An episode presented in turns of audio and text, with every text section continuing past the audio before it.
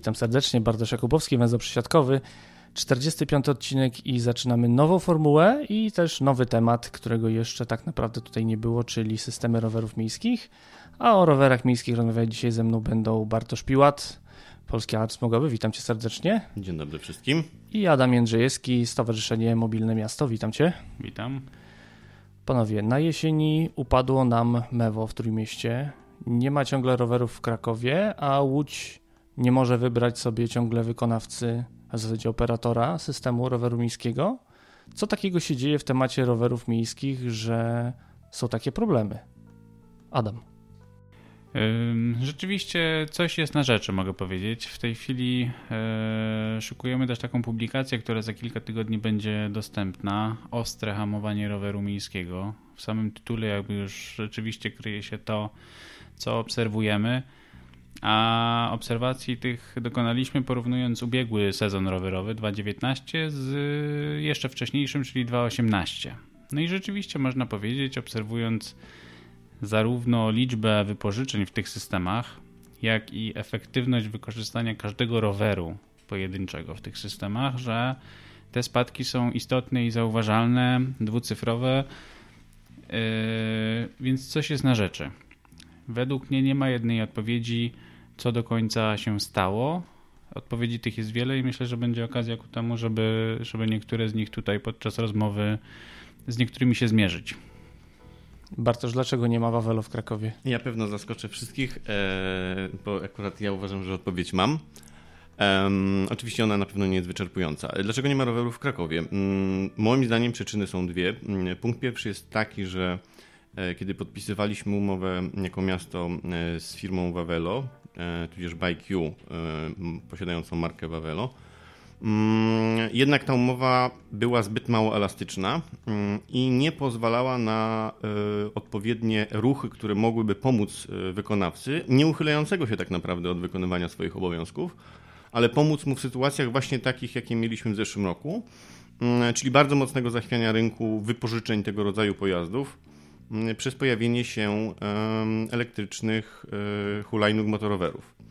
E, które rzeczywiście zabrały ten powiedzmy minimalny zysk, e, jaki, jaki BikeU miało, w związku z czym skoro był minimalny, firma zaczęła mieć bardzo szybko kłopoty. I mówię o tym e, dlatego, że jakby minimalny zysk to nie jest wyłącznie efekt umowy, ale to zachwianie rynku pokazuje moim zdaniem dwie podstawowe przyczyny tego, dlaczego w ogóle rower, wypożyczany rower miejski ma takie kłopoty w Polsce. I to się bierze, bym powiedział, w, z prostego powodu. Rower nie jest traktowany jako usługa komunalna, tak naprawdę. Jest traktowany jako rodzaj zachęty do tego, żeby w ogóle jeździć rowerami. A czymś fajnym jest, tak dobrze jest mieć wypożyczalnię rowerów. I ten model, który Warszawa przyjęła na start, mi się od razu nie podobał, ponieważ dopłacanie do mm, przyjazdów, czy oferowanie darmowych przyjazdów, po pierwsze moim zdaniem jest w ogóle usługa komunalna nieodpłatna jest czymś amoralnym z mojego punktu widzenia, ale to jest osobna dyskusja. E, ale w każdym razie to miało moim zdaniem takie znamie fajności, a nie budowania trwałego systemu e, transportowego w mieście. E, w ten sam sposób Kraków ma w tym momencie kłopot, bo zastanawiamy się, czy przepraszam, zastanawialiśmy się, jako przypomnę, jestem byłym pracownikiem zarządu transportu publicznego w Krakowie. Zastanawialiśmy się, jak e, w takiej sytuacji postąpić. Ja uważałem, że najwyżej w świecie miasto powinno przejąć te rowery, powiązać, powiązać e, opłatę z biletem miejskim i, i w ten sposób udostępniać to jako usługę transportu publicznego. No oczywiście prawnicy zaczęli się zastanawiać, czy możemy tak zrobić, bo przecież to jest wynajem, a więc działalność dochodowa i tak dalej, i tak dalej. I właśnie mam takie poczucie, że przywiązanie do tego, sztywne przywiązanie do tego, że rower mm, jako działalność odpłatna nie powinien być traktowany jako usługa publiczna, moim zdaniem jest mylne. Gdyby był traktowany jako usługa publiczna, można by mu pomóc tak samo jak dopłacamy dziś do każdej komunikacji zbiorowej, w sytuacji zachwiania e, można by mu pomóc po prostu zwiększając, e, zwiększając wpływy budżetowe do kasy takiego systemu, a jeśli byłby już koniec, a jeśli byłby powiązany z systemem transportu publicznego w ogóle, czyli na przykład powiązany z biletem sieciowym, no to w ogóle właściwie nie mówilibyśmy o problemie z rowerem miejskim, tylko mówilibyśmy o tym, czy transport zbiorowy w danym mieście ma większe kłopoty z finansami pochodzącymi z biletów, czy nie. Adam, czy powinniśmy dopłacać w ogóle do systemów rowerów publicznych i czy one w ogóle są e, alternatywą, są uzupełnieniem transportu publicznego? E, ja bym chciał jakby na te wszystkie pytania chciałbym odpowiedzieć w jakiejś mierze tak. W ogóle jeżdżenie na rowerze i e, jako bardzo zrównoważona forma mobilności miejskiej i aktywna przede wszystkim, to jest e, zdecydowany benefit. Każde miasto powinno jakby zachęcać do tego, aby jego mieszkańcy, mieszkanki jeździli na rowerach.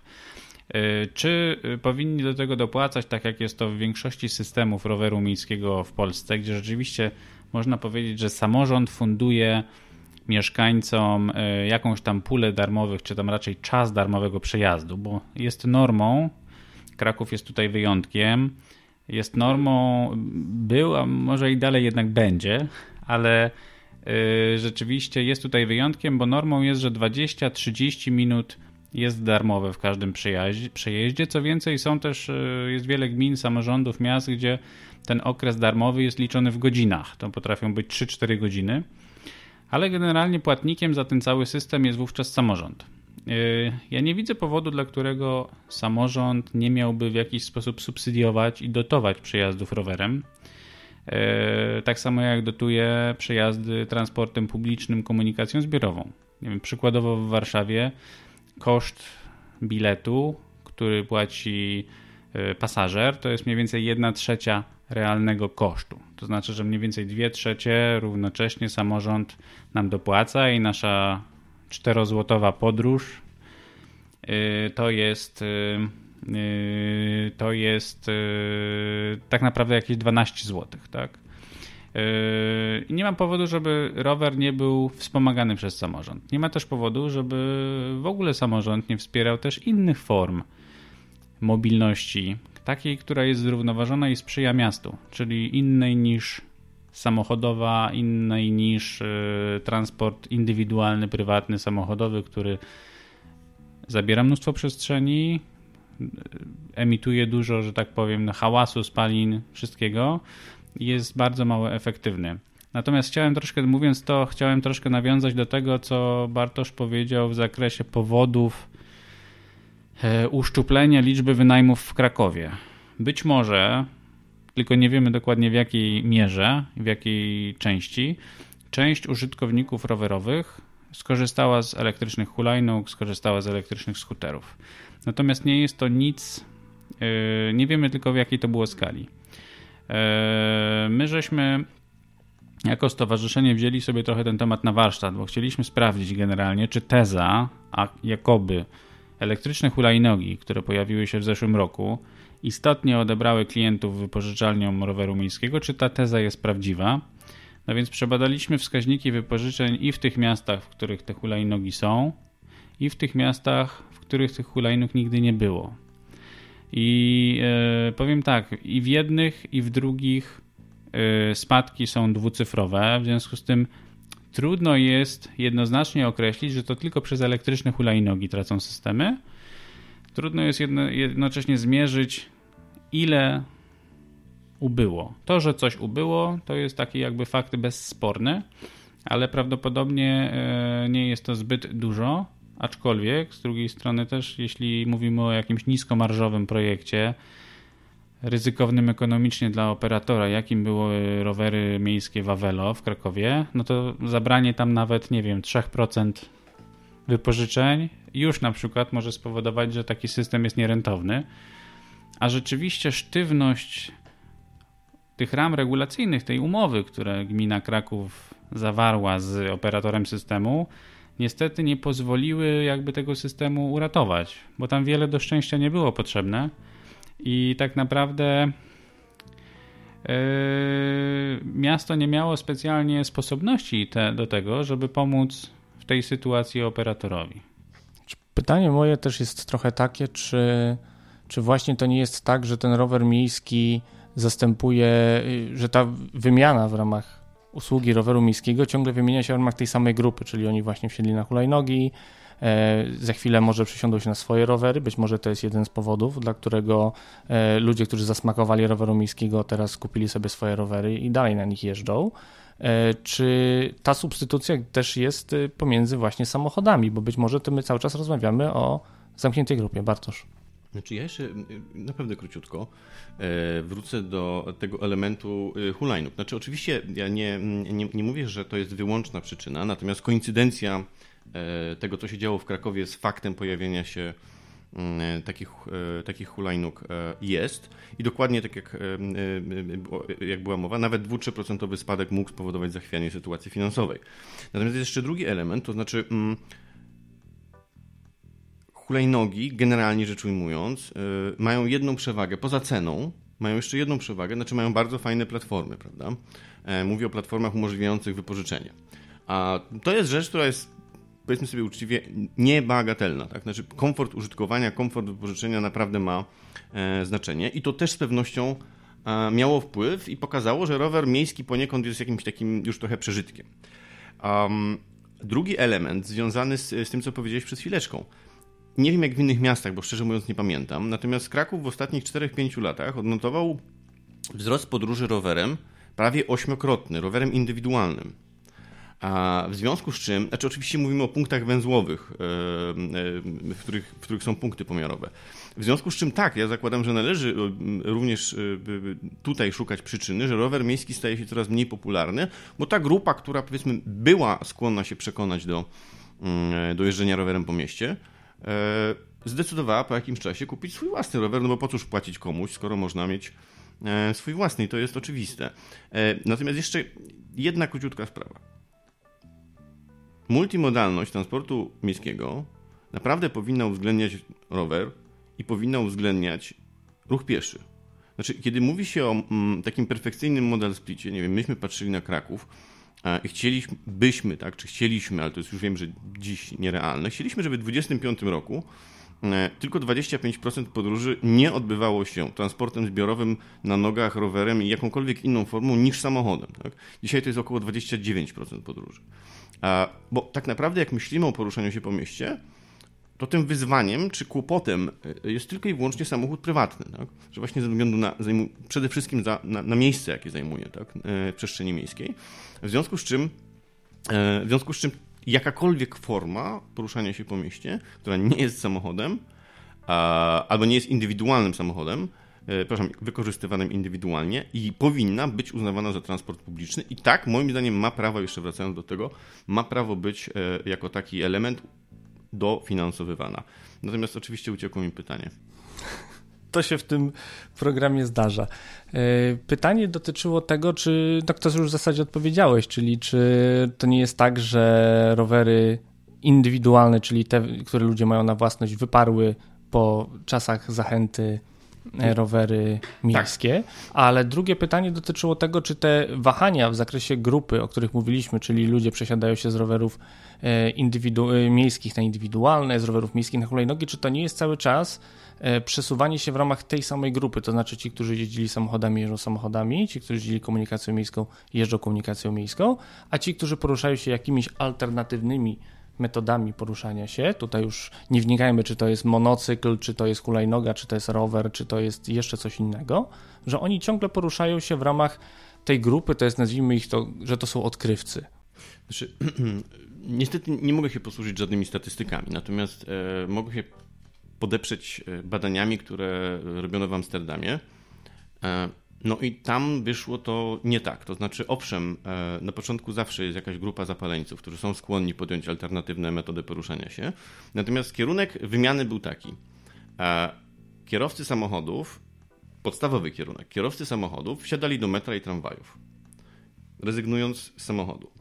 Pasażerowie z transportu tramwajowego czy metra powoli przekonywali się do tego, że nie tylko mm, e, autobus czy tramwaj są fajne, ale że rowerem też można w związku z czym y, to przesunięcie zawsze troszeczkę w ten sposób szło.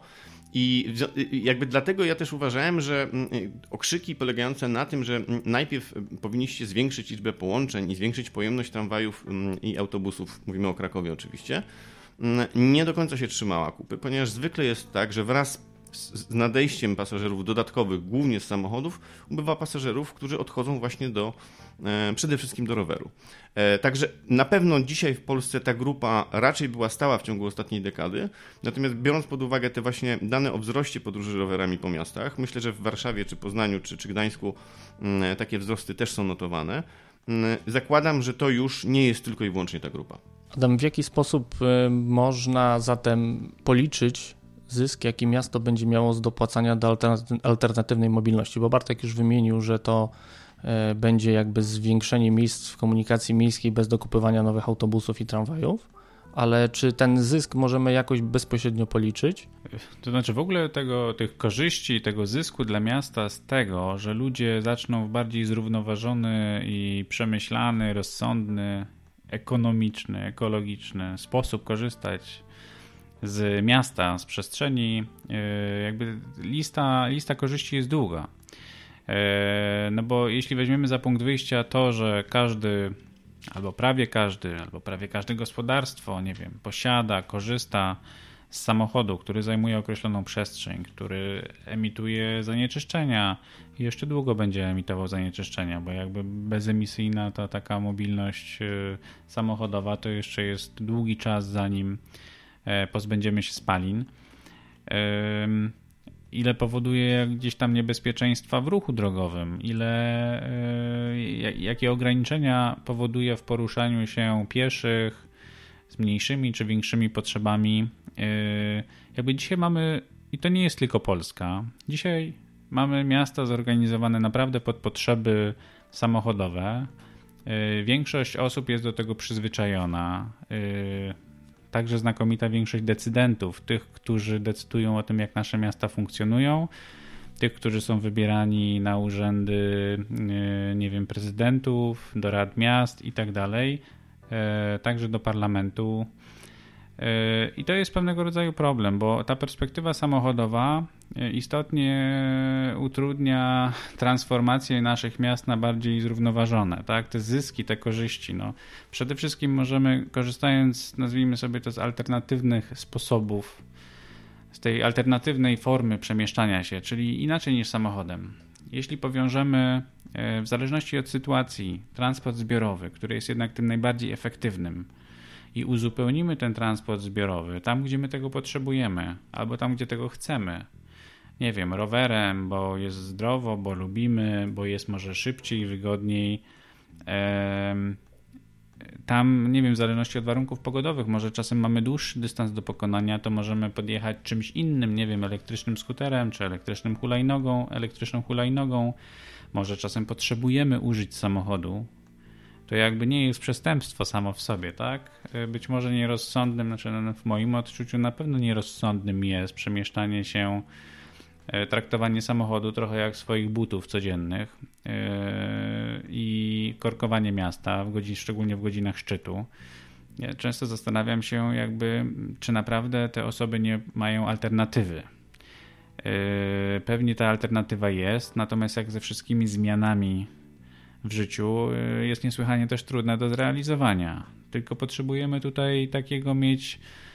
W moim odczuciu potrzebujemy mieć przykład z góry.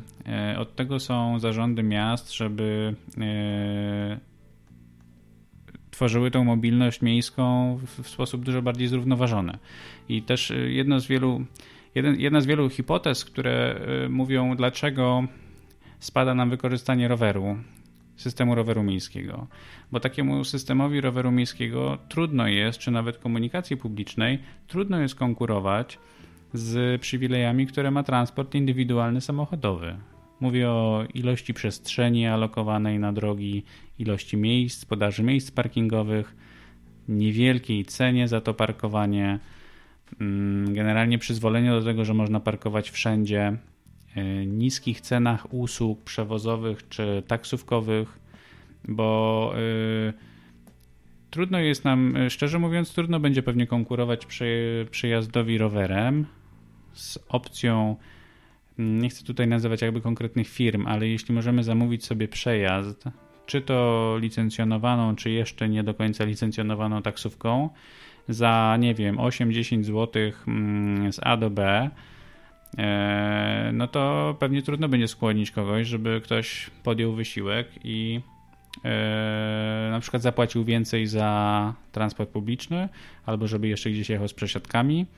I wydaje mi się, że niska cena e, niektórych usług samochodowych, jak również przywileje dla ruchu indywidualnego samochodowego też nie pozwalają na dobre jakby kontynuować wzrostów roweru miejskiego. Ja się zgadzam trochę, że znaczy, nikt tego nie zmierzył i to są trochę hipotezy. Ruch rowerowy ogólnie rośnie, yy, aczkolwiek te pomiary też nie są szczególnie precyzyjne. I trudno na ich podstawie jakieś wnioski dalekosiężne wyciągać. W Warszawie mówi się, nie wiem, Zarząd Dróg Miejskich mówi, że w Warszawie rokrocznie średnio o 20% wzrasta ruch rowerowy ogólnie, z czego na przykład system roweru miejskiego to jest tam 12-13% tej części ruchu rowerowego w ogóle. Natomiast te badania też są oparte na jakichś tam pomiarach przy poszczególnych węzłach, w jednym roku to było mniej węzłów, w innym więcej. To nie są do końca dane, które łatwo ze sobą zestawić i porównać, porównywać. Ale do czego zmierzam? Chodzi o to, że mm, yy, popularność roweru czy innych alternatywnych środków transportu jest też trochę pochodną tego, jak łatwe jak tanie jest korzystanie z samochodu w mieście. Yy, a przypomnę tylko, że nie wiem, dopiero teraz po wie, kilkunastu latach stawki parkingowe E, zaczynają być gdzieś tam delikatnie podnoszone. Natomiast wyrwanie z przestrzeni miejskiej każdego pojedynczego miejsca parkingowego to niemalże jest jakaś tam lokalna e, wojna i protesty. A wystarczy spojrzeć, co robią inne miasta. Nie wiem, w Oslo, nie chcę się pomylić w rachunkach. E, Kraków też będzie dobrym przykładem, bo kilka tysięcy miejsc parkingowych zlikwidowano w strefie płatnego parkowania. Tak? To jest ewenement na skalę polską, może nie na europejską ale tym kierunkiem e, powinny podążać też inne miasta. Natomiast trudno sobie to wyobrazić, bo e, mam wrażenie, że wtedy ludzie gdzieś tam e, niemalże mają gotowość do wyjścia na barykady. Muszę się odnieść, przepraszam. Dobrze, Bartku. Mm, odnie, odnieś się. Znaczy dwie, dwie sprawy. Jak mówimy o kosztach, to dokładnie tak jak była mowa jest bardzo wiele y, niewymiernych składników, natomiast podam jeden przykład. Taki, który jest bardzo wymierny. E, jeżeli byśmy w kwartałach e, mieszkaniowych, tak jak planuje na przykład Warszawa, zarządzili wyłączną prędkość 30 na godzinę, nie musielibyśmy inwestować w sygnalizację świetlną, nie musielibyśmy instalować miliony znaków drogowych zabezpieczających pieszych i tak dalej, i tak dalej. Znaczy, mówiąc krótko, to są naprawdę konkretne pieniądze, które my wydajemy tylko i wyłącznie dlatego, że skupiamy się na no może nie promowaniu, ale pomaganiu transportowi samochodowemu. To są naprawdę konkretne pieniądze. Drugi element e, to jest też koszt kierowców. Gdyby e, e, osiągnąć te, te postulaty, o których mówiłem, typu 25% ruchu, y, ruchu miejskiego za pomocą auta, to mamy do czynienia mniej więcej z sytuacją taką jak w każde wakacje w każdym mieście. I każdy kierowca powie, że w wakacje się jeździ właściwie świetnie. To znaczy, korki jak są, to raczej punktowe, mm, płynny przejazd, miejsca do parkowania można znaleźć. Więc dokładnie my, myślący o transporcie w miastach, do tego dążymy. E, I e, na, na koniec, mm, znowu wrócę. To wszystko jest usługa komunalna. To nie jest usługa komercyjna, ona się nie może poddawać koniunkturze. Jeżeli e, e, planujemy zakup autobusu, to nie możemy sobie o tak go kupić, a potem po trzech latach postawić w garażu, bo się nam nie opłaca nim jeździć. Tak? To jest maszyna, która musi na siebie zarobić. Nikt e, nie jest w stanie kupić od tak na przykład z kolei 100 autobusów, bo nie wiem, zażądano wzmocnienia na jakiejś linii, a dajmy na to dosypiemy z budżetu. Nie, to tak się, po prostu tak się nie planuje transportu. Tak? Transport się generalnie planuje wieloletnio, w związku z czym, a jeżeli mówimy o rowerach, to tak uważam, że należy rowery wpinać nie dlatego, że jestem fanem roweru, tylko uważam, że dlatego należy rowery wpinać, żeby trzymać łapę na pewnych elementach transportu publicznego, bo tylko i wyłącznie w ten sposób będziemy w stanie coś zaplanować długofalowo.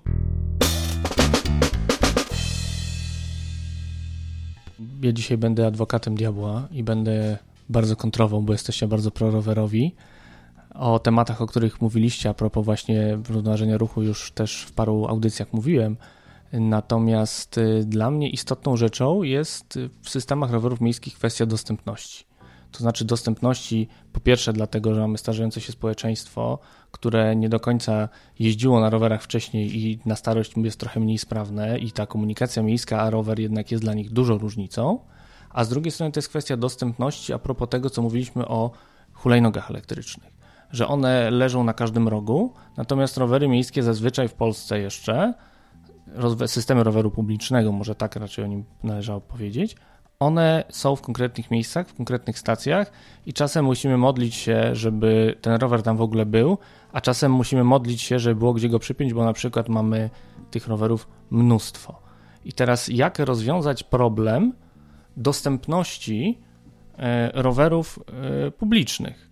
Właśnie patrząc na te, na te, na te dwie rzeczy. Po krakowsku. I to mówię zupełnie bez złośliwości. E, tak jak mówisz o dostępności, zawsze mnie dziwiło, Mm, obsesja stacyjności roweru.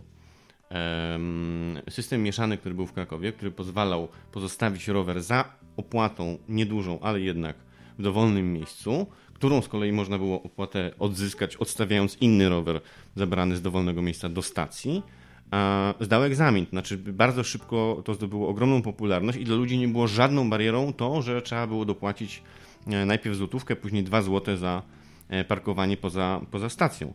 Jak mówisz o dostępności, to znowu się absolutnie zgadzam i po raz kolejny powiem tak, tylko i wyłącznie wtedy, kiedy miasto zdecyduje się na włączenie transportu rowerowego do swojego transportu publicznego, to będzie działało. E, mówimy o dostępności, dlatego że mm, większość osób starszych w Polsce dziś i biorąc pod uwagę prognozy ZUS-owskie i inne, to nie będą osoby, które będą w stanie sobie kupić rower elektryczny, w którym będą miały wspomaganie e, na podjazdach, czy w ogóle w ruchu, bo będą już na tyle osłabione, e, miasto taki wydatek jest w stanie poczynić mm, pod jednym wszakże warunkiem. Wepnie go do systemu publicznego. To nie jest usługa komercyjna.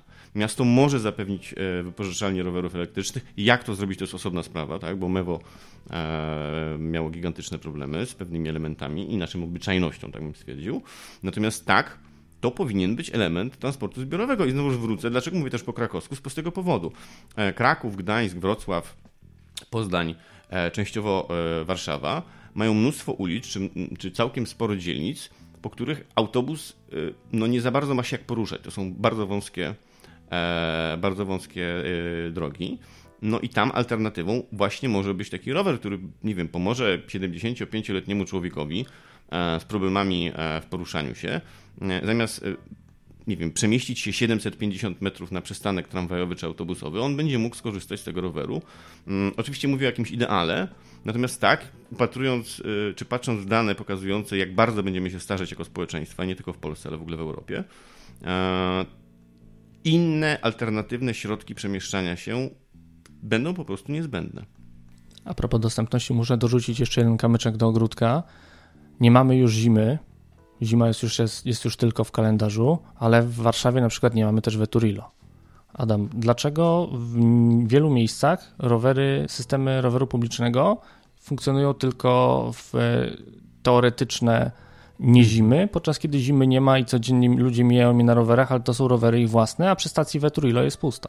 Ja powiem tak, no zmiany klimatyczne chyba postępują szybciej niż urzędnicy są w stanie rozpisywać przetargi. To tak oczywiście z przymrużeniem oka, chociaż jakby powód nie jest w ogóle do żartowania. E, coraz więcej systemów e, przechodzi na całoroczność. Y, wydaje się, że jednym z pionierskich, jeśli w ogóle nie pionierskim przedsięwzięciem był Kraków. Nie znam historii wszystkich systemów.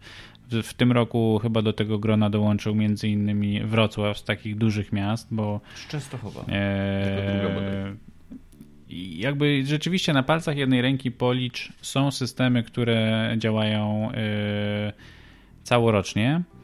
E, to jest pewnego rodzaju przyzwyczajenie, że mamy ten sezon, nie wiem, w zależności od miasta bardzo różnie. Od kwietnia, od marca, czasem od maja, w zależności od tego, kiedy się zrobi cieplej i jak szybko się uda rozstrzygnąć na przykład przetargi. To też jest zabawne.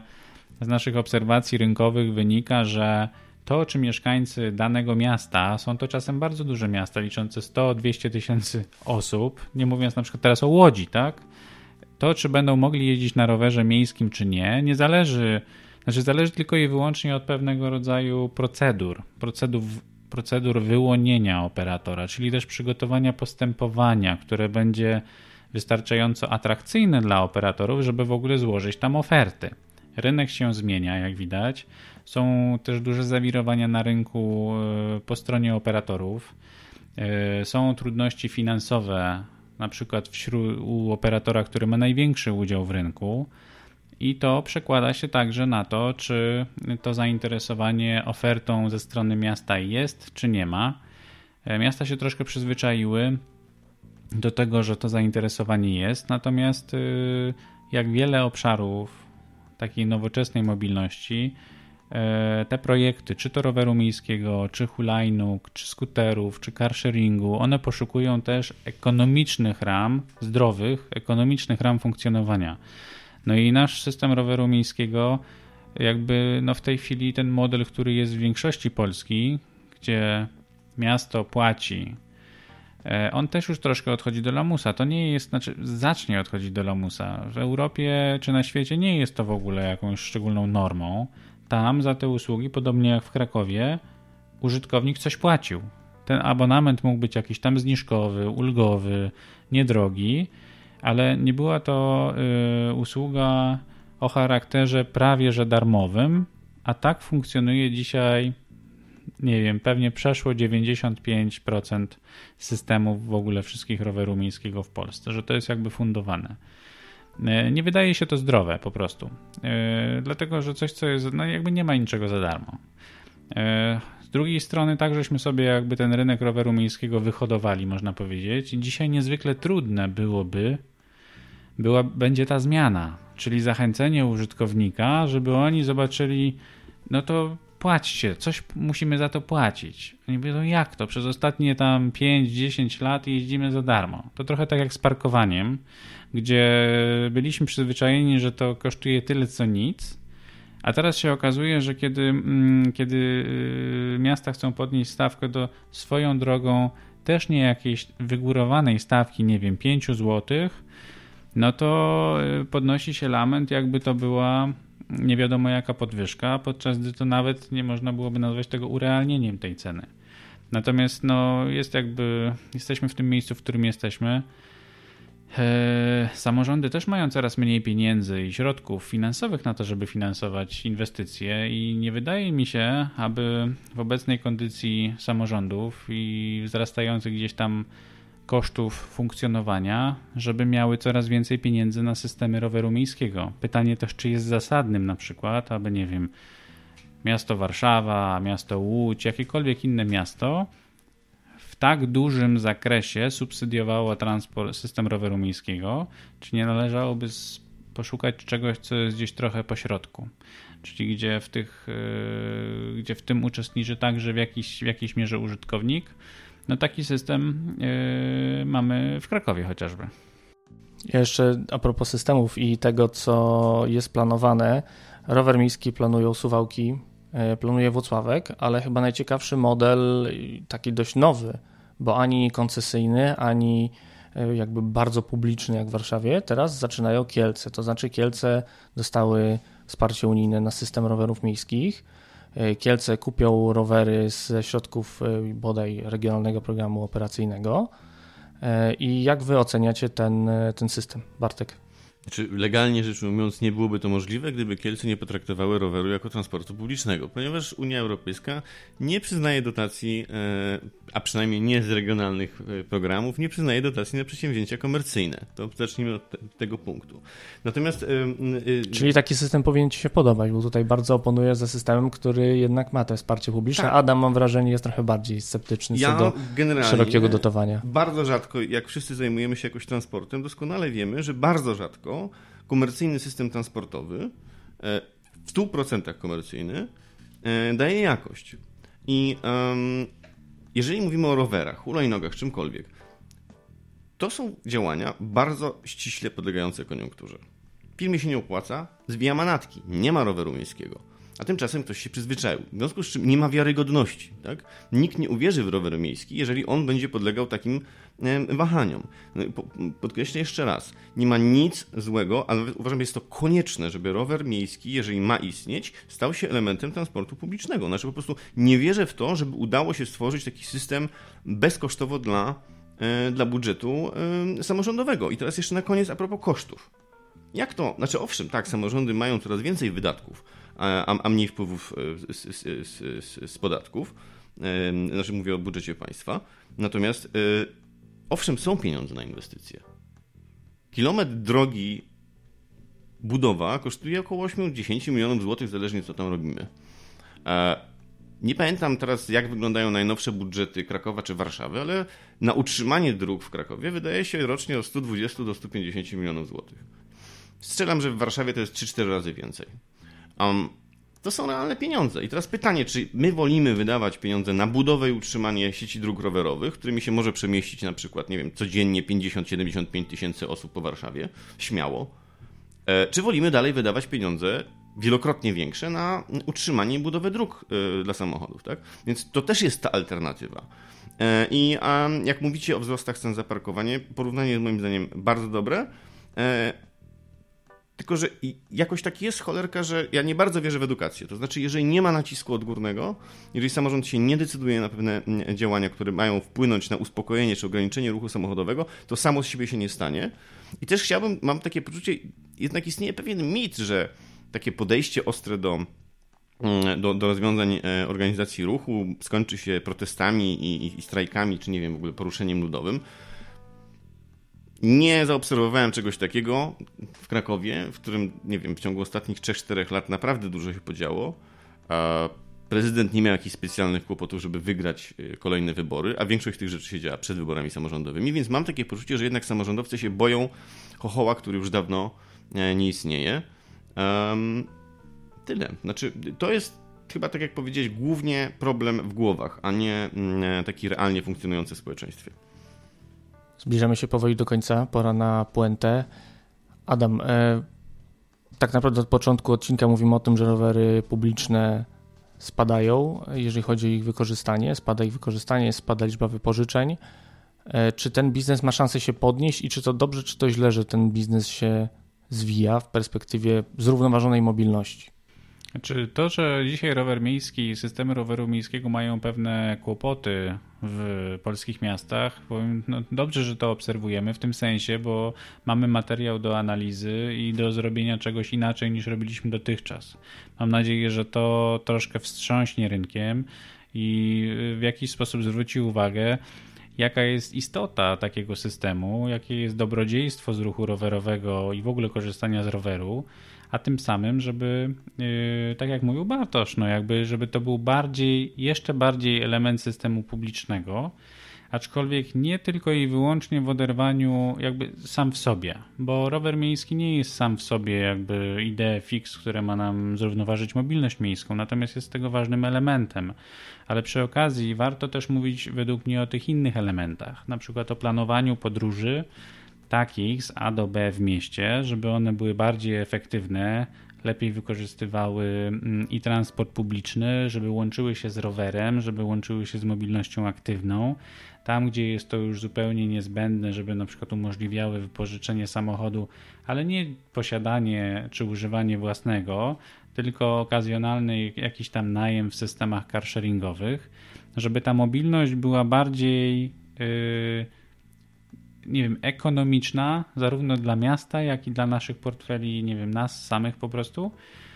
Yy, według mnie multimodalność i wpisanie roweru w większą całość jest kluczem i, i, ten kryzys na rynku rowerów yy, według mnie pokazuje to, że powinniśmy spojrzeć na mobilność w mieście raczej jako całość, a nie jako wyrywki.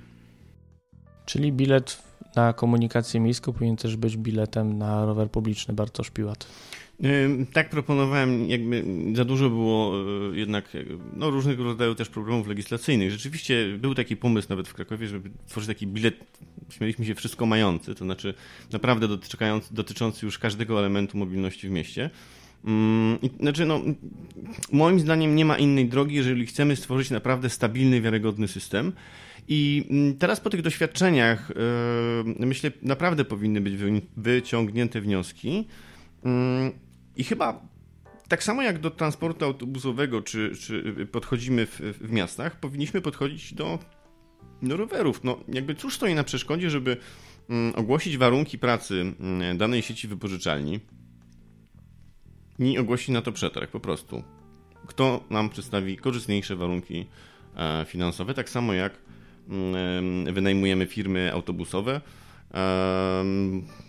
Część firm obsługujących Warszawę to firmy mm, komercyjne, tylko jedna w Krakowie komercyjna, druga jest komunalnym przewoźnikiem. Da się, mówiąc krótko. Tak samo jak wyobrażam sobie, że mm, firma no już nie chcę teraz mówić po nazwach, więc wezmę komunalnego przewoźnika, mojego nie trzeba reklamować, że nie wiem, MK, FU, MPK w Krakowie albo yy, zakłady autobusowe warszawskie. E, kupią pewnego pięknego dnia 50 tysięcy rowerów, e, rozstawią je w rejonie przystanków i będą oferowały jako dodatkową usługę miejską. Tak? Znaczy, w ogóle nie widzę w tym żadnego problemu. Podkreślę, to jest tylko i wyłącznie w głowach urzędników, mm, e, e, a tych przedsiębiorstwach komunalnych to już szczególnie. Naprawdę, rower jest normalnym środkiem transportu. Spóźnią się autobusy na jakiś przystanek, nie wiem, korek, coś się zepsuło, będzie obok niego tam, nie wiem, 10 rowerów, to część pasażerów pojedzie rowerami, przynajmniej nie pójdą do sądu. Ja bym z przyjemnością z czegoś takiego skorzystał. Póki co od marca wracam na mój własny, osobisty, prywatny rower. Już nie będę kupował biletów na komunikację miejską, tylko będę pedałował. I bo... płacił podatki. No cały czas, każdego dnia więc y, już nie mam zamiaru kupować biletów na transport publiczny. Transport publiczny dzisiaj mi dokopał, dlatego wracam do kochanego roweru. Będę niezależny od władzy publicznej. Bardzo Wam dziękuję. Bartosz Piłat, Adam Jędrzejewski. Dzięki. Dziękujemy. Na zakończenie tradycyjnie, jak zawsze, chciałem podziękować patronom podcastu, a w szczególności Piero, Pawłowi Zegartowskiemu, Pawłowi Szczurowi, Robertowi Błautowi, Tomaszowi Tarasiukowi, Monice Stankiewicz, Kubie Czajkowskiemu, Pawłowi Łapińskiemu i Barnabie Turek. Jeżeli chcecie dołączyć do grona patronów podcastu, serdecznie Was zapraszam na patronite.pl przesiadkowy lub na patreon.com przesiadkowy. Na dziś to wszystko. Do usłyszenia.